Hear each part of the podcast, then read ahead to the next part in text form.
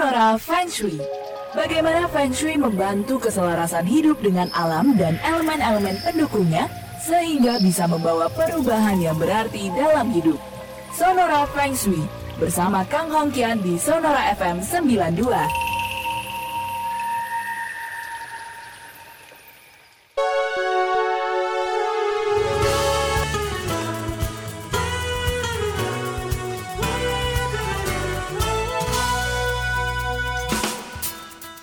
Sonora FM Power of KG Radio Network. Selamat malam sahabat Sonora untuk Anda yang malam hari ini mendengarkan di Jakarta, di Purwokerto, Yogyakarta, Surabaya, Palembang, Pontianak, Bali. Dan pastinya juga selamat malam untuk Anda yang mendengarkan di berbagai daerah di Indonesia ini ya. Hari Jumat Pukul 19 ini saatnya adalah Sonora Feng Shui. Jadi silakan yang mau konsultasi ini dengan Pak Kang ya. Formatnya masih sama yaitu Feng Shui spasi nama, spasi tanggal, bulan, tahun, spasi jam lahir, spasi pertanyaan. Saya mau menyapa dulu nih Pak Kang. Selamat malam Pak Kang. Selamat malam, Sesa. Aduh, sudah lama nggak mendengar suara Pak Kang nih. Apa kabarnya? Oh, selalu baik, selalu always. Selalu always ya?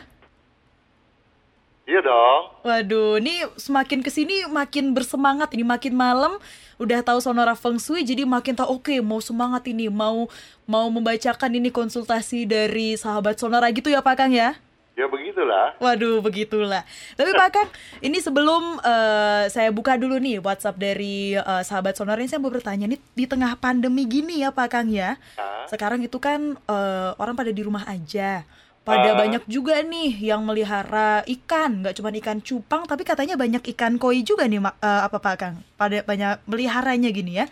Kalau ikan koi gini sebaiknya, ini mau melihara ikan koi itu posisinya di mana sih? Apakah di depan rumah ini cocok-cocok aja atau ada opsi lain nih Pak Kang? Ini sih pembahasan yang udah sering kali kita bahas. Waduh, berarti bukan sama saya sanding bahasnya nih Pak Kang. Uh, tapi kayaknya sepertinya sama Sesa juga pernah. Ah masa Pak Kang? Pernah, pernah sama Sesa. Ya, bahwa eh, yang penting kalau kolam itu secara eh, umum ya, mm -hmm. adanya di eh, bagusnya di timur ataupun di tenggara rumah, mm -hmm. di dalam maupun di halaman ya. Mm -hmm. Nah, masalahnya kalau di dalam rumah, kalau itu adalah dalam bentuk kolam, mm -hmm. maka kolam tidak bo apa bagian atas kolam tidak boleh tertutup rapat. Mm. Ada bukaan udara yang lepas ke alam bebas. Mm. Jadi kalau untuk di dalam rumah sebaiknya kita menggunakan akuarium saja ah, begitu. Okay. Dan akuarium kan relatif ukurannya kecil terbatas mm -hmm. ya. Sedangkan kolam kan biasanya jauh lebih luas dan ada sebaiknya di bagian di halaman luar pada sektor timur ataupun tenggara. Ah, oke. Okay. Berarti di luar timur ataupun tenggara ini ya Pak Kang ya? Waduh, nih semoga besok kalau saya ini sonora feng shui lagi sama Pak Kang ini udah keinget ini ya karena uh, kayaknya kemarin saya lupa juga kali itu ya kalau naruhnya tuh uh, posisinya itu untuk kolam ikan koi ini. Apakah untuk ikan koi aja untuk bisa ikan jenis ikan yang lainnya Pak Kang? Nah, sebetulnya tidak berbicara ikan koi. Ah. Ya, saya berbicara mengenai kolam. Kolamnya, ah oke. Okay. Kalau ikan koi merupakan ikan yang uh, da masuk dalam kategori ikan keberuntungan. Hmm. Uh, Oke. Okay. setuju nggak kalau Setu saya bilang ikan keberuntungan? Setuju Pak Kang, karena banyak yang bilang juga itu katanya ikan koi ini ikan keberuntungan. Betul. Kenapa? Karena ikan koi terutama yang import. Mm -hmm. Ya kalau lokal mungkin masih banyak yang bisa menjangkaunya walaupun udah lumayan mahal juga ya. Hmm. Kalau orang yang nggak beruntung nggak mungkin bisa beli ikan yang mahal. Benar. Ya jadi makanya ikan keberuntungan karena yang beli orang yang punya uang. Ah itu berarti asal muasalnya kenapa ikan koi dibilang uh, ikan yang bikin mujur, ikan yang bikin beruntung gitu ya Pak Kang ya? Kalau ikannya mati itu menjadi pembawa sial. Oh, wah. Mahal-mahal mati kok. Bener-bener sakit gitu ya Pak ya? jadi, jadi ya itulah yang dimaksud. Nah kalau ikan yang lain Mm-mm. mati, apalagi ikan gabus ya dimasak. Bener, aduh pakai sambal enak tuh Pak Kang. Ya, katanya nggak enak dimakan. Ya udah berarti nggak enak ya Pak Kang ya. Oh, oke. Jadi, Mhm. tadi kalau kita bilang ikan koi itu mendatangkan keberuntungan, hoax. Ah. Bali, ikan apa pun, ya memang mendatangkan hoki karena kita melihatnya dengan penuh kedamaian. Ah, oke. Berbeda daripada ikan yang lain, ikan koi ini memang boleh dibilang ikan yang sosial ya. Mm-mm. Dia selalu berkelompok berbeda dengan ikan apa itu Apa Pak Kang? Eh, aguana, Mm-mm. Sendiri Wah. kan dia ya? ya. Apalagi ikan cupang berantem dia juga. Wah bener. Ya ya ya ya. Koi kan berkumpul. Nah ketika kita keluar, dia datang bisa menghampiri dan tentu saja ketika tangan kita kita celupkan ke kolam, sering kali ikan koi itu bisa naik ke tapak tangan kita. Ah, memberikan kedamaian. Nah, kalau itu yang dituju, kemudian membuat kita menjadi berpikir tenang, itu, itu benar. Sehingga dari ketenangan tersebut, kita bisa me- merefreshkan benak kita yang sudah jenuh. Mm-mm. Nah, kalau benak udah refresh, pikiran kan menjadi tajam lagi. benar. Nah, produktivitas meningkat. Kalau produktivitas meningkat, rezeki datang. Ah, itu benar. Nah, oh ada asal muasalnya perlahan tapi pasti ya Pak Kang ya ternyata ya. Nah, tapi bukan berarti memelihara ikan koi terus eh, sontak eh, keberuntungan datang. Mm-mm, mm-mm. Benar, benar. Oke, itu tadi dari Pak Kang ini. Jadi untuk sahabat Sonora ini yang mungkin juga mau bikin kolam gitu ya. Tadi udah disampaikan sama Pak Kang, semoga membantu. Pak Kang kita langsung lanjut aja ini ya. Jawabin ini yang ada di WhatsApp dan juga ada Telegram ini ya 081211292200. Pak Kang siap?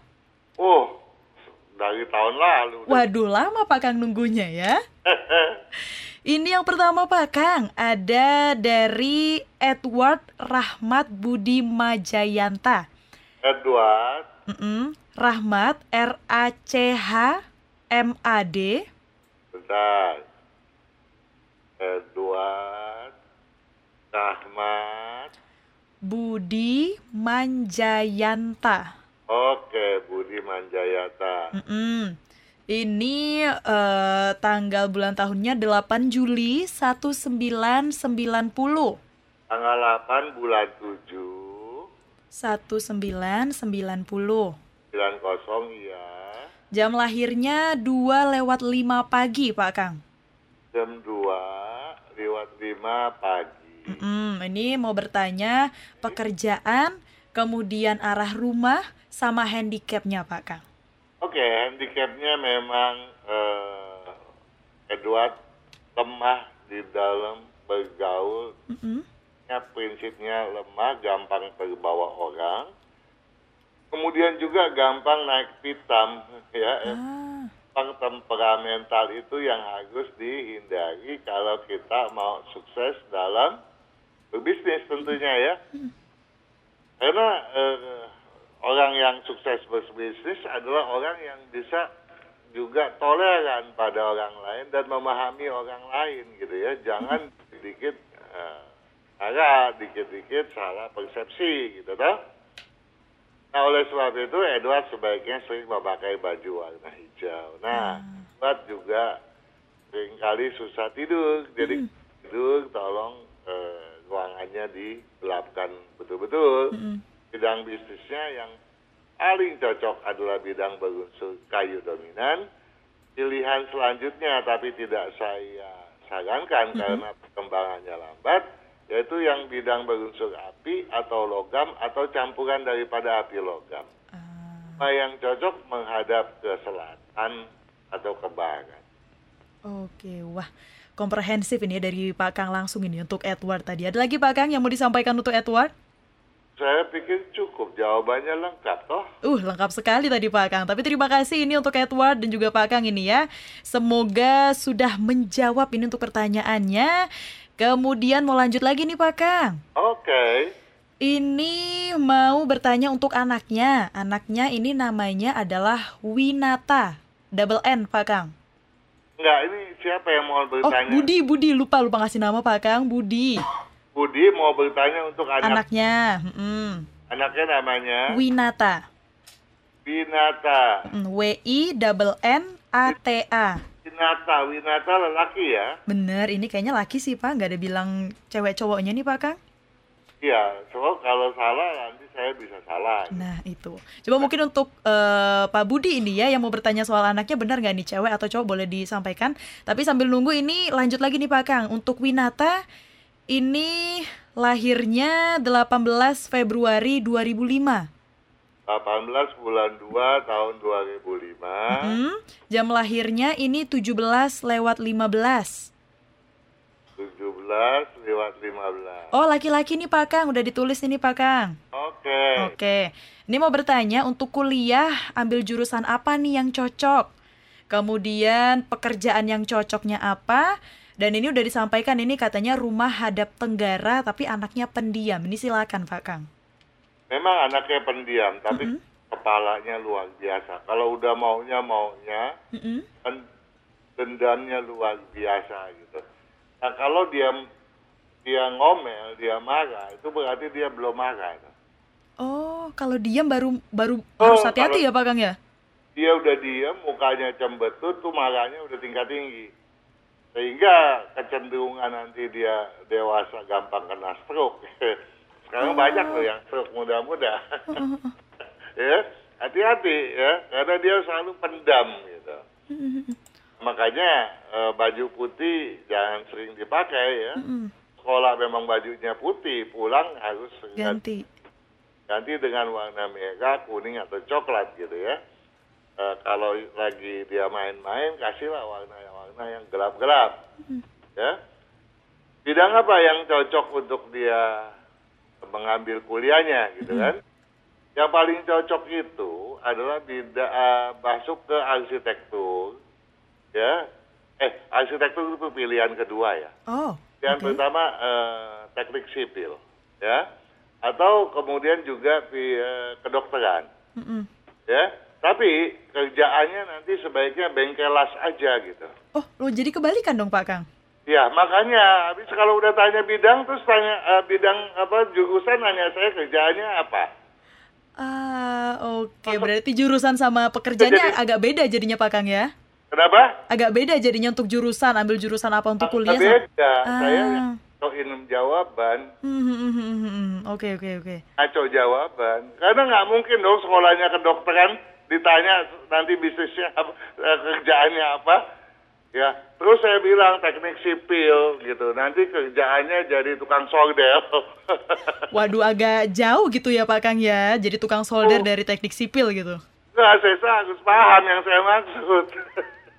Agak semi-semi paham ini, tapi kayaknya internal jokes ini Ah. dari Pak Kang ini. dengar, dengar apa yang saya ngomong, jangan langsung dikomentari. Oke. Budi bertanya soal anaknya Winata. Benar. Oke, sekolah bidang apa? Mm-mm. Kalau saya bilang teknik sipil, se- dulu se- sebaiknya kerjaannya apa? Mm-mm. Jadi pemborong bangunan, buka real estate, gitu dah. Ya. Ya dah.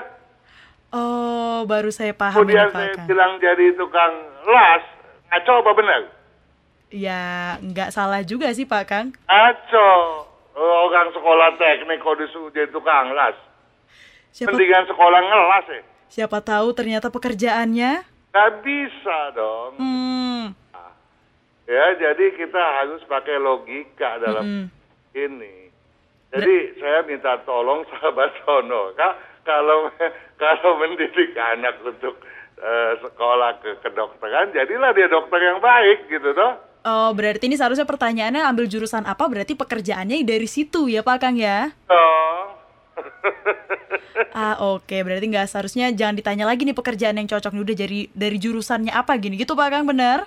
mestinya paralel dong ya. Ah, ah, benar. Oke. Ada Kalau lagi? Hmm? kedokteran jadilah dokter yang baik. Benar. Nah dokter apa yang cocok?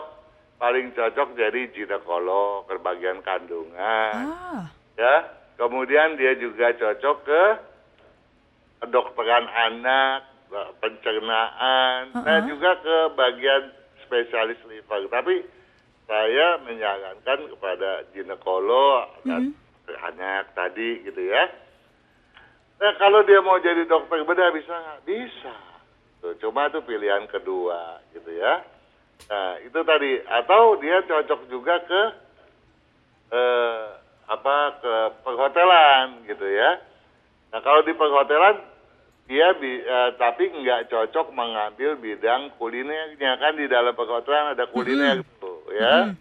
Dia cocoknya ke bidang eh, manajemen hotel atau ke pastry gitu toh. hmm, oh, oh. Dia sekolahnya kalau ke pastry dia juga cocok berarti sekolah untuk ke food science dong ya food industri pangan itu itu jalurnya juga tapi itu pilihan kedua, loh ya. Kedua. Ah, oke. jadi tolong eh, kepada eh, sahabat sonora ya kalau eh, kita berharap anak akan bersekolah ke bidang yang memang dia eh, bakatnya di situ Hmm? dan kemudian dia bisa berkembang di situ. Jangan nanti setelah dia lulus, misalnya dia udah menjadi dokter, kemudian pekerjaannya saya bilang ya jadilah lawyer, kan aneh kan? Iya, benar-benar. Udah susah-susah kuliah ya, Pak Kang ya? Ya, kalau memang cocoknya sebagai lawyer, masukkan anak ke bidang hukum, Benar. gitu? Benar, benar, benar. Wow, itu ya tadi satu dari Pak Kang yang langsung dibilang jadi difokuskan aja nih dari kuliah, kuliahnya ngambil apa, pekerjaannya juga diparalelkan tadi kalau kata Pak Kang gitu ya Pak Kang? Yang penting kita tahu bahwa Winata ini ambisinya bagus. Hmm. Cuma dia punya eh, eh, semangat kadang-kadang biarpet gitu. Oh, Eh, orang tua, Budi harusnya bisa eh, menyemangati anak ini, gitu. memotivasi semangatnya dan kedisiplinannya itu yang paling penting. oke. Berarti eh, sebagai orang tua yang baik gitu ya Pak Kang ya, mendorong anaknya, ngasih Orang tua support. pasti baiklah sama anak. Iya, iya benar, Kita benar. nggak ditanyain. Nah, itu dia Pak Kang. Ada lagi Pak Kang yang mau disampaikan? Cukup. Cukup ya Pak Kang ya. Baik, itu tadi untuk eh, Pak Budi yang nanya soal anaknya nih, Winata namanya tadi ya. Lanjut nih Pak Kang, ada lagi nih. Selamat malam Pak Kang, ini namanya adalah Yusinta. Wanita kali ya. Benar. Yusinta ini lahirnya 18 Juni sem- 14 bulan eh, mm-mm, 1986. 1986. 86. Mm-mm. Jam lahirnya jam 2 siang Pak Kang. Jam 2 siang. Mm-mm. Oke. Ini katanya galau mau resign atau enggak, tapi kalaupun resign mau nggak tahu juga mau ngapain ini Pak Kang. Terus juga bertanya, bagusnya kerja atau usaha di bidang apa seperti itu. Silakan Pak Kang. Sinta itu Mm-mm. eh, kalau untuk berbisnis mampu bisa. Hmm. Eh, hanya dibilang nggak punya bakat bisnis, bakat bisnisnya ada kok, ya. Dia punya bergaulnya juga bagus kok, gitu kan. Mm-mm. Nah, yang penting resign atau tidak, kan yang harus menentukan Yusinta dong ya. Benar. Nah, tapi yang kita perlu tahu, karena apa sih yang menyebabkan timbulnya pertanyaan resign atau tidak? Mm-mm. Mm. Ya, kalau eh, dari sudut eh, analisa eh, feng shui, Mm-mm. Yusinta ini temperamennya, waduh, kalau tadi tuh siapa yang pertama? Siapa ayo Pak Kang? Kedap, yang pertama, Edward Pak Kang. Kan saya bilang eh, temperamennya juga gitu ya. Mm-mm. Nah, tapi itu nggak seberapa kalau kita bandingkan dengan Yusinta. Oh. ya, eh, cuma bedanya kalau tadi Edward itu keras kepala juga gitu ya. Kalau Yusinta ini orangnya nggak ada dendam, cuma Hmm. mulutnya. Kalau dalam tanda kutip tuh jahat ya gitu. Mulut Oh. tajam gitu, bisa tong eh, seperti pisau. Oh alah, oke. Nah, Ini untuk Yusinta tadi ya Pak ya? Nah, gampang terjadi konflik kan. Mm, mm, mm, benar. Ini yang harus digarisbawahi oleh Yusinta. Kalau ini yang menjadi penyebabnya, Mm, tentunya keliru ya cepat-cepat mengambil keputusan resign. Ya. Tapi ada kemungkinan lain yaitu memang Yusinta ini orangnya nggak punya eh, tujuan gitu. Hmm. Belum Jadi- ketemu ya Pak Kang ya? Kenapa? Belum ketemu tujuannya gitu ya? Nggak ada target dia hidup. Ah, oke. Kalau kita eh, ilustrasikan nih, Yusinta ini kalau dia bawa kendaraan ngebutnya luar biasa. Mm-mm. Orangnya nggak males. Kalau tadi kan si siapa itu eh, yang tadi bapaknya nanya tuh, Winata. Buat anaknya, siapa nama anaknya? Winata. Winata. Saya minta tolong, tolong semangatnya digenjot dong, Mm. ya, dimotivasi. Iya. Nah kalau eh, Yusinta ini eh, jangankan digenjot dia udah uduh ya malah kerja iya gesit Heeh. Eh, mulutnya ikut gesit dia. Oh. Nah tapi tujuannya nggak ada dia ngebut kita tanya eh Yusinta lu ngebut mau ke mana sih? Mm-mm. Alah yang penting sampai di mana gua nggak tahu kebut aja dulu gitu. Oh, oke. Jalan aja dulu Pak Kang gitu ya. Ngebut aja dulu ya. Jadi ada dua kemungkinan dia boring terhadap pekerjaannya atau dia memang konflik. Nah, kalau dua hal ini yang jadi masalah, ini juga akan terjadi ketika dia berbisnis. Hmm. Jadi apa pun yang jadi keputusan Yusinta, ya hanya saja saya kasih Yusinta bocoran bahwa eh, potensi dia untuk eh, berbisnis itu terbuka gitu. Kenapa harus khawatir? Mm-mm. Yang penting kedua hal tadi itu di di apa di siasati ya.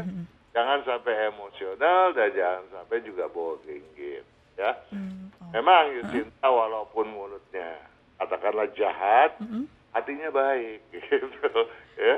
Nggak ada dia dendam sama orang. Kalau udah selesai ya udah dia bilang gitu. Merdek. Ah.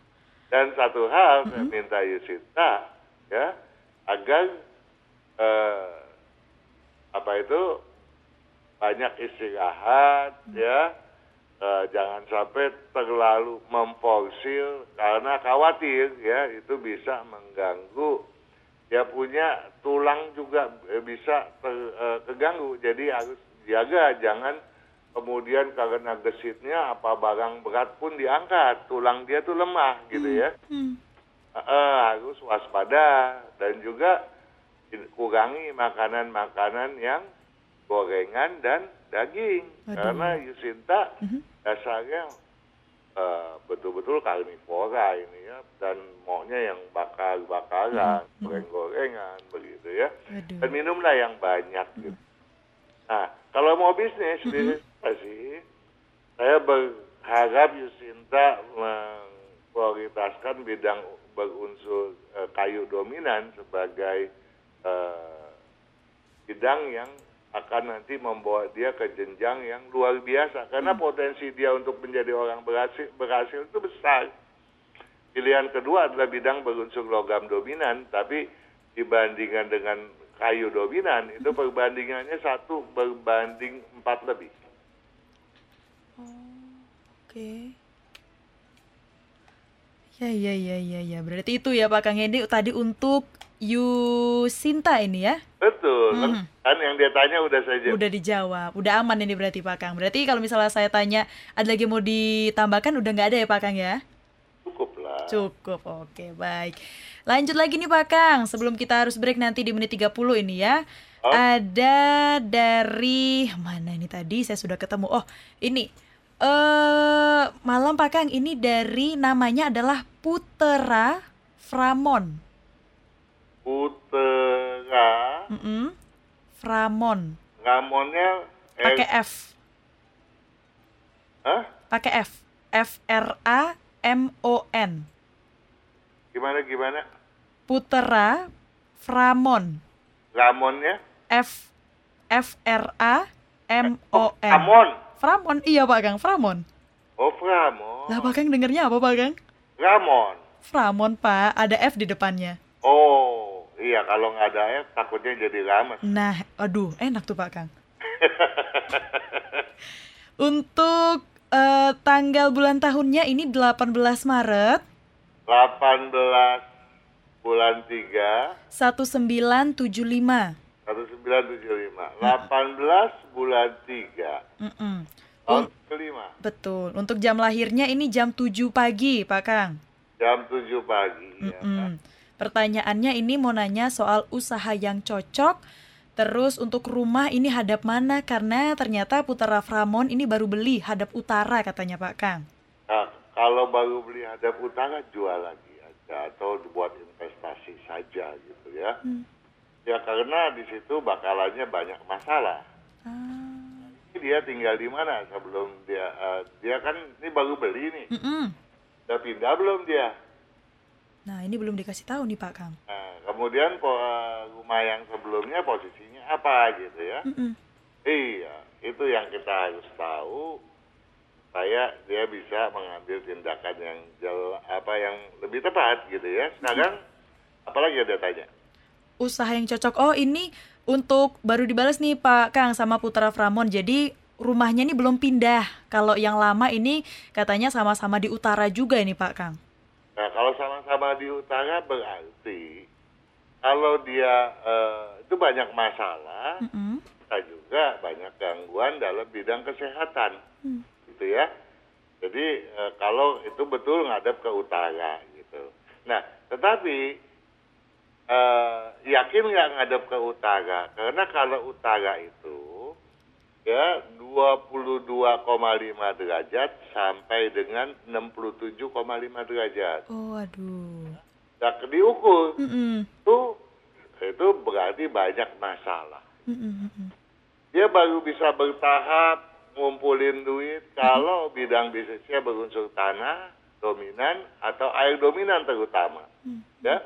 Namun kalau dia itu posisinya ternyata 67,5 sampai eh, 112,5 eh 60 eh tar dulu. Tadi saya eh kalau utara itu sorry sorry saya ter- eh, sal- salah sebutin. Utara itu 337,5 sampai 22,5 derajat. Mm, Nah, itu ke utara. itu utara. Kalau dia 22,5 derajat sampai dengan 67,5 derajat, itu posisi dia yang terbaik. Hmm. Ya, jadi kalau dia dua, itu ternyata kalau diukur itu 25 derajat gitu ya, atau di atas 22,5. Nah, itu harus dipertahankan gitu. Oke. Ya, jadi harus diukur ya. Jadi saya ulangi, Mm, kalau menghadap ke utara itu 337,5 sampai 22,5. mm. Ya. Kalau dia tuh 22,5 sampai 67,5 derajat, itu artinya menghadap ke timur laut. Nah, itu cocok buat dia gitu ya.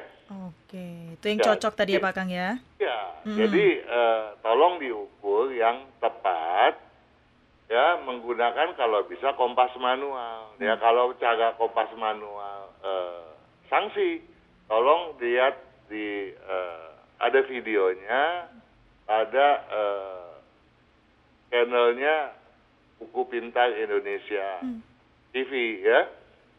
Nah bidang bisnisnya tentu tadi saya sudah sampaikan gitu ya. Nah, sekarang dia di bidang A di di di apa di apa bidang apa sekarang yang digelutinya? Aduh, nggak ada dikasih tahu nih Pak Kang. Ya, oke. Oh, properti nih Pak Kang. Langsung dibales ternyata Pak Kang. Properti di bidang berunsur tanah, tentu dia ada kemajuan ya walaupun rumahnya misalnya keliru. Tapi masalah bisa bertubi-tubi, penyakit bisa sering kali berganti. Hmm. Ya. Kalau memang itu menghadapnya ke utara. Utara. ya. Tapi bidang bisnisnya sudah termasuk yang cukup baik gitu ya. Nah, jadi eh, Kalau dia tuh uh, di bidang berunsur air dominan tentu jauh lebih berkesuksesan. Hmm. Oke, baik. Mantap ya Pak Kang ya untuk Putra Framon ini ya. Oke. Oke, baik Pak Kang kita break dulu Pak Kang, nanti kita lanjut lagi. Oke. Siap. Dan untuk ada sahabat Sonora tetap bersama kami di Sonora FM, part of KG Radio Network.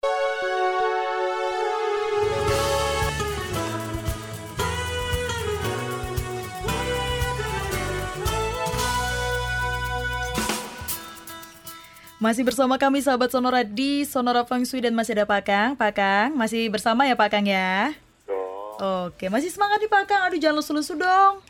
Siapa yang lesu? Waduh, langsung langsung naik lagi di semangatnya Pak Kang. Karena kita masih mau ngebacain lagi nih Pak Kang yang udah join ini di WhatsApp ya 081211292200.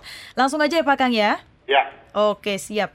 Ini ada dari Semarang nih Pak Kang. Namanya Nanik pakai K, N A N I K, Laki perempuan. perempuan. Nanik Kartika. Anik Kartika. Kartika Hmm.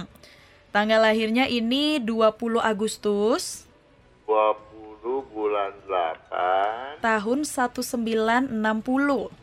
1960 Hmm. 20 Agustus 60 Hmm. Ya. Jam lahirnya jam 7 lewat 5 pagi. Oke Terus ini pertanyaannya Pak Kang mau nanya nih berapa tanggal Imleknya. Kemudian juga mau nanya soal kesehatan bagaimana karena ini kena saraf kejepit katanya sudah setahun lebih belum sembuh. Terus banyak nih pertanyaannya Pak Kang, juga mau nanya soal warna. Terus juga nanya usaha dan rumah hadap mana nih yang cocok karena ini sekarang Ibu Nanik menempati rumah kecil yang dibagi menjadi sembilan kotak. Untuk ruang tamunya ini menghadap utara. Kamar tidur utama ini katanya ada di barat laut. Terus juga plus barat ini dan kamar mandinya di dalam. Ini lengkap sekali nih Pak Kang ini. Tinggal hafal saya satu-satu deh Nah, yang tadi aja kali ya Pak Kang ya pertanyaannya nih ya. Berapa dulu deh tanggal Imleknya nih dari yang satu-satu dulu deh. Ditanya tanggal lahir Imlek Mm-mm. Ibu Nani lahir pada hari Sabtu ya tanggal 20 bulan 8 Delapan. tahun 1960 itu uh, Imleknya tanggal 28 Lun Lakwe jadi bu, Lun bulan 6 tahun 2511 masih itu nah pada tahun 2511 ya jadi tahun 1960 itu ya eh, kalau dikonversi merupakan tahun 2511 ya. Nah pada tahun tersebut bulan ke-6 ada dua ya jadi ada 13 bulan pada tahun 2511 nah Ibu Nani lahirnya pada tanggal 28 bulan 6 yang kedua ya. Kepanjangan bulan ke-6 disebutnya Lun Lakgue jadi tanggal 28 bulan Lun 6 tahun 2511 gitu ya. Nah kemudian ditanya lagi wah yang kedua kalau nggak keliru dia kena Kejepit. terjepit Mm-mm. saraf terjepit tentu nggak mungkin bawaan lahir Mm-mm. ya dan kalau kita berbicara saraf itu kaitan komposisinya akan lemah pada unsur logam di antaranya ya nah kalau kita melihat dari komposisi elemen kelahiran kemungkinannya kecil tapi ke- potensi kena saraf terjepit setiap orang pasti ada kalau salah mengangkat Benar. ya, di antaranya gitu ya. Mm-mm. Jadi itu adalah medis ya. Kemudian kalau secara eh, bawaan lahir yang lebay daripada ibu nanik itu adalah jantung, tapi nggak fatalis gitu ya. Eh, jadi misalnya telapak ta- tangan suka eh, berkeringat, tapi juga itu nggak nggak nggak selalu gitu ya, suka dingin gitu ya. Nah, tapi, jadi itu kemungkinannya memang kecil. Jadi sebetulnya Ibu Nanik ini boleh dibilang orang yang jarang sakit, gitu ya. Oh, hmm. Nah, terus kemudian dia jawab eh, eh, apa itu Warna. Warna. Nah, yang cocok adalah warna merah, ya. Mm-mm. Warna yang tidak cocok nggak ada buat Ibu Dani. Oh, oke. Warna merah pun boleh dibilang bukan s- suatu keharusan. Mm-mm. Ya, tapi kalau Ibu Nani ke- kehilangan eh, semangat, Mm-mm. silakan pakai itu gitu ya. Karena Ibu Nani orangnya disiplinnya juga termasuk yang tinggi. Nah, eh, tetapi berbagai macam penyakit bisa terjadi menyerang Ibu Nani gitu toh. Mm-mm. Kalau rumahnya itu keliru posisi, terutama kalau menghadap ke selatan atau menghadap ke utara. Waduh, ini ruang tamunya hadap utara nih Pak Kang. Dulu, tar dulu. Oke. Itu dalam hitungan kalau Ibu Nanik adalah sebagai kepala keluarga. Ah. Ibu Nanik kepala keluarga bukan. Nah, ini nggak dikasih tahu nih Maka Pak Kang. ada anggota keluarga lain yang tinggal bersama Hmm. yang menjadi tulang punggung keluarga, Keluarga. gitu Oh. ya. Misalnya ada anak yang tinggal di sana kemudian menjadi tulang punggung dan feng shui hitungannya ke anaknya gitu. Nah, jadi kalau tadi dikatakan sama apa ruang tamu di Utara. ruang tamu di utara. Mm-mm. Nah, tetapi Ibu Nani tidak mengatakan apakah posisi rumahnya berkedudukan di mana menghadap ke mana. Aja rumah menghadap ke timur, pintu menghadap ke timur, dan posisi ruang tamu ada di utara. Itu kan bisa terjadi seperti itu, tergantung layout, Mm-mm. ya dena penataan rumah. Tetapi kalau betul rumah itu adalah menghadap ke utara, dan kemudian Ibu Nanik adalah eh, kepala keluarga atau tinggal sendiri, lonely di dalam rumah tersebut, ya, maka berbagai macam penyakit gampang sering kali mendera ibu Nani. gitu. Jadi Oh. Nanik sebaiknya pindah gitu ya Mm-mm. ke posisi yang menghadap ke timur laut atau ke timur. gitu. Mm-mm, mm-mm. Oh. Nah, apakah ta- eh, tahun ini boleh pindah? Boleh. Tahun depan boleh. Hmm. Ya. Jadi dari dalam tahun 2021 ya. 2021 ini kan Imleknya 2572 gitu ya. Dan sampai 2573 boleh. Tapi 2574 jangan. Oh, berarti tahun ini masih boleh ya Pak Kang ya? Eh, boleh. Nah, terus ada pertanyaan apa lagi? Saya pikir udah cukup ya. Eh, sama terakhir ini pertanyaan, apakah boleh de- di halaman depan ini ada pot-pot tanaman ini Pak Kang? Ya, sekarang masalahnya saya kan nggak tahu Belum jelas tahu ya? Mm-mm. rumahnya itu ke betul Ah. nggak ke utara. Terus eh, halamannya tuh ada di bagian mana? Ya, kalau dia tuh benar menghadap ke utara, berarti kan bentangan daripada eh, halaman di depan rumah. Kalau itu eh, adalah halaman tuh full di bagian depan, berarti ada halaman pada timur laut, pada utara dan pada barat laut. Gitu. Hmm. Tetapi apakah iya seperti itu? Apakah eh, areanya cuma di bagian utaranya atau pada sektor timur lautnya doang atau pada barat lautnya doang? Jadi dalam konteks ini kan harus jelas gitu ya. Mm-mm. Nah kalau memang betul menghadap ke utara dan kemudian cuma di bagian utara sektor utara doang Mm-mm. Yang bisa ditanami, boleh saja kalau pohon itu eh, pohon yang kecil-kecil, Hmm. gitu. ya.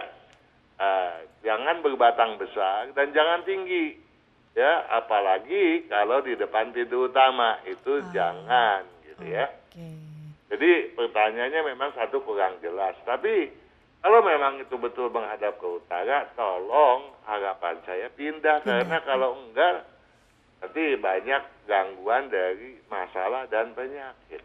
Oke, baik Pak Kang. Udah cukup ini ya Pak Kang ya? Ya, Oke, cukup dulu ini karena kita harus break lagi Pak Kang. Nanti kita lanjut lagi ya. Oke. Oke, sahabat Sonora tetap bersama kami di Sonora FM, part of KG Radio Network.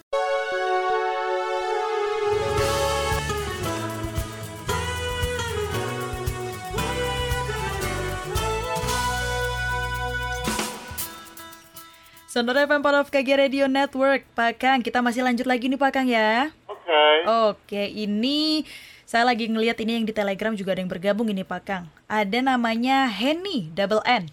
H E H E N N Y. N N Y. Oke. Hai. Tanggal lahirnya 26 Agustus 26 Agustus 1981. 1981 Jam lahirnya jam 5 pagi Pak Kang. Jam 5 pagi. Mm-mm. Pertanyaannya ini jenis usahanya apa? Kemudian arah rumahnya sama handicapnya nih apa nih Pak Kang? Ya. Eh dengan catatan Henny adalah kepala keluarga ya kalau tanya posisi rumah ya. Hmm, hmm, hmm. Sebab kalau enggak nanti ini mengancukan dan nggak bisa malah timbul bahaya loh ya. Ah, ah. Nah, tadi pertanyaannya kita eh, pertamanya apa? Usahanya Pak Kang? Usahanya. Usahanya yang paling cocok adalah yang berunsur tanah dominan. Pilihan kedua kayu dominan. Tapi kalau kayu dominan itu perbandingannya dengan tanah satu berbanding enam. Hmm. Kalau eh, dia butuh waktu enam tahun untuk berhasil di bidang kayu, ya untuk memperoleh satu target, tapi cukup satu tahun kalau di bidang berunsur tanah dominan, gitu ya. Jadi eh, kemudian pilihan kedua campuran tanah dengan logam, ya. Ya, jadi untuk bidang-bidang bisnis, tinggal lihat di buku apa aja tuh bidang-bidangnya tadi, gitu ya. Mm-mm. Nah kemudian tetapi saya mau minta tolong untuk Henny, ya walaupun ibu, eh, walaupun Henny ini eh, ambisinya bagus, ya, tapi keras kepalanya harus disingkirkan, dendamnya harus dibuang, gitu ya. Karena kalau enggak, ini merupakan eh, batu sandungan buat keberhasilannya. Mm-mm. Dan untuk itu semangat tolong dimotivasikan terus menerus. Nah, posisi rumah sebaiknya menghadap ke eh, timur atau ke timur laut. Ada lagi? Oh, sama tadi terakhir handicapnya Pak Kang. Handicapnya tadi kan udah. Oh iya Pak Kang, ya ampun. Saya salah lagi ngebaca ini nih yang gabung ini banyak sekali malam hari ini. Jadi nggak fokus ini dengerin Pak Kang udah bahas handicapnya tadi.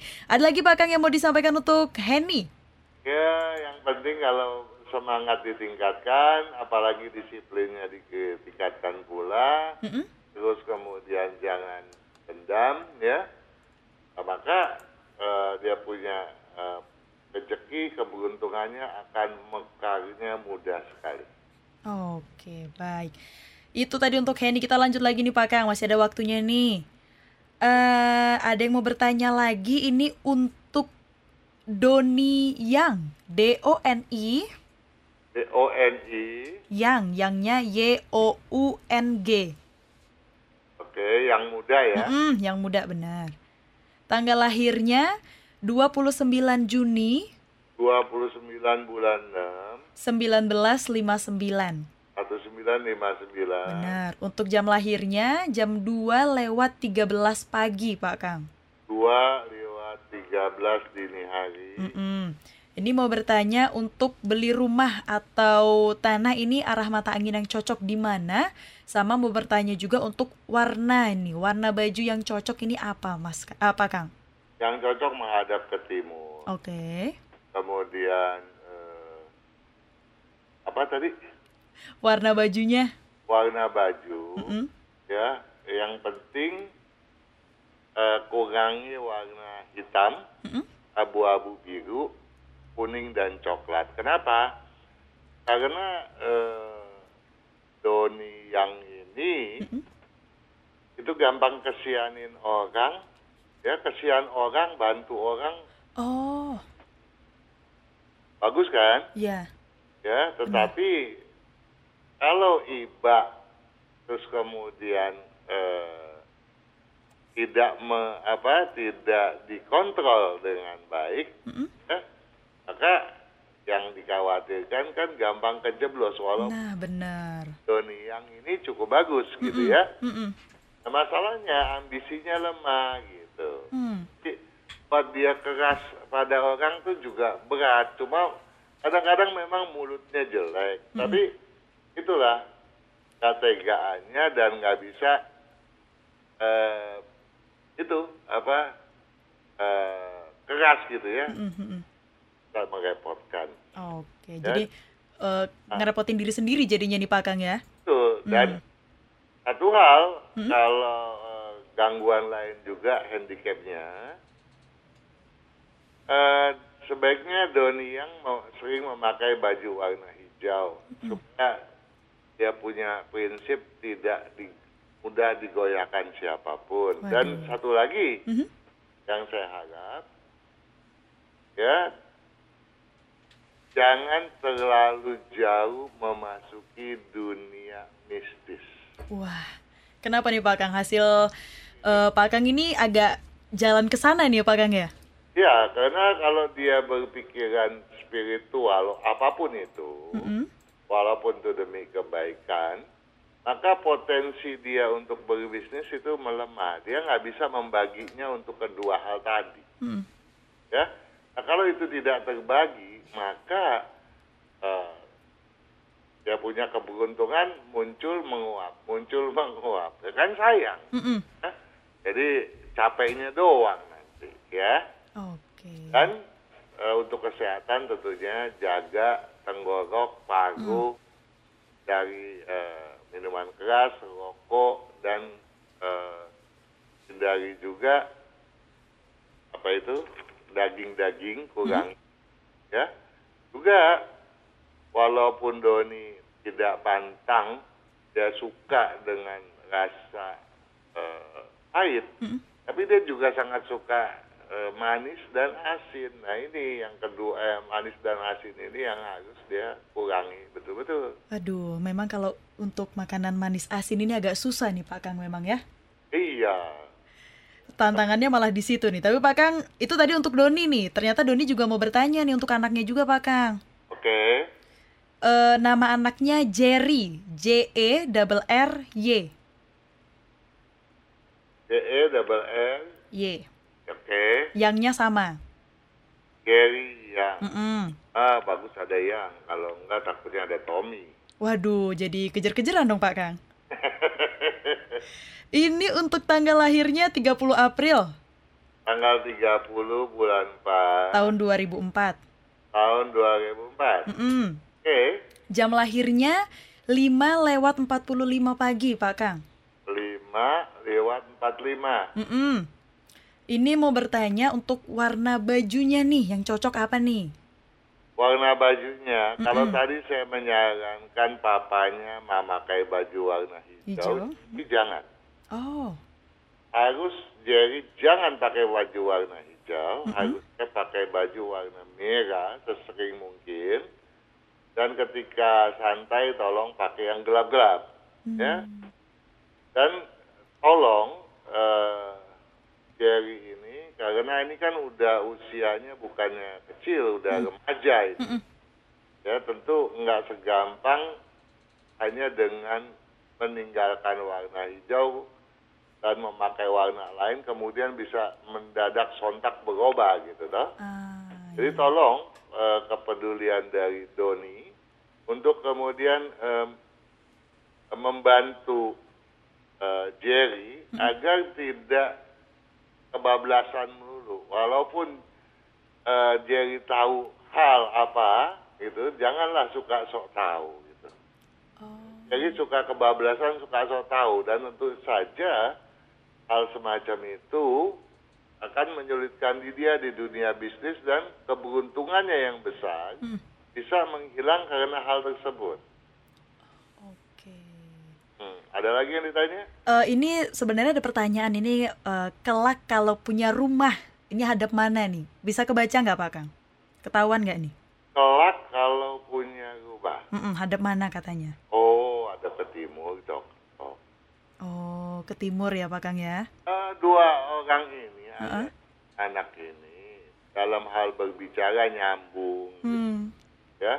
Jadi cara berpikir keduanya nyambung, walaupun keduanya mempunyai sifat yang memang tergolong berbeda jauh. Hmm.